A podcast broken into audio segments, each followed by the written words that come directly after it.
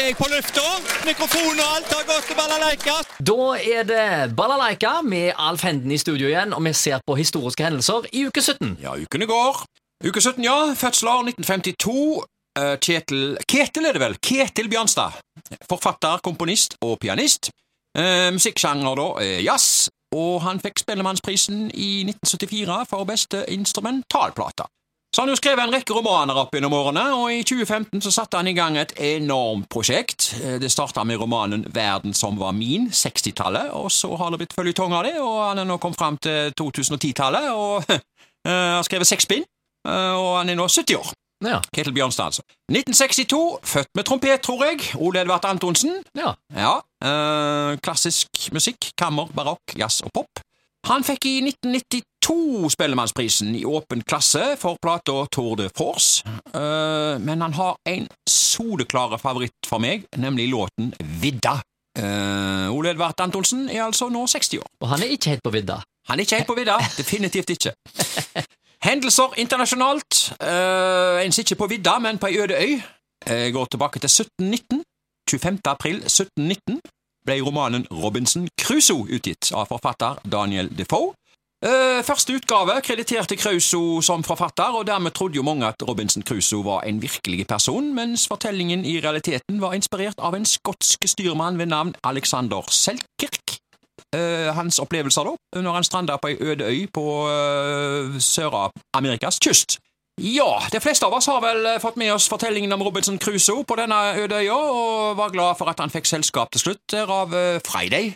Ja, Ja, de var to en stund der. Ja, ja, ja. Ja. Romanen er altså utgitt i 1719. Eh, Vi holder oss til 1700-tallet. 1783. Brødrene Montgolfier flyr sin første varmluftsballong. Og så kommer vi på lokale hendelser. Kino i uke 17, 1979.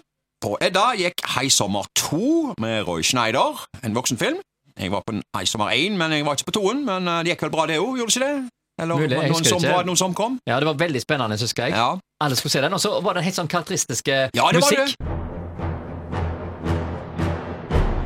Så hver gang denne haien uh, var Ja. i ferd med å angripe, eller et eller annet, så var Ja. det denne her spesielle musikken. På nattkino gikk filmen Ingen utvei med Fred Williamson, en voksenfilm det òg. På Grotten gikk eh, filmen 1900 del 2. Den gikk for 18-årsgrensa. Og så gikk filmen 18 hjul på flukt, en film med Henry Fonda og Eileen Brennan.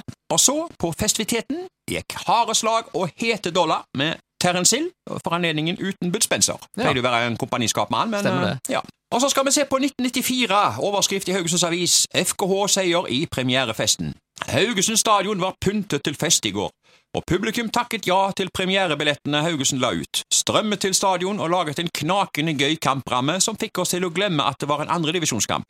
Deler av førsteomgangen og fire skåringer var også over andredivisjonsnivå. Resten var såpass kjedelig at alle kom ned på jorda. Bortsett fra veabuene som hadde drukket seg til uante høyder, oh, ja.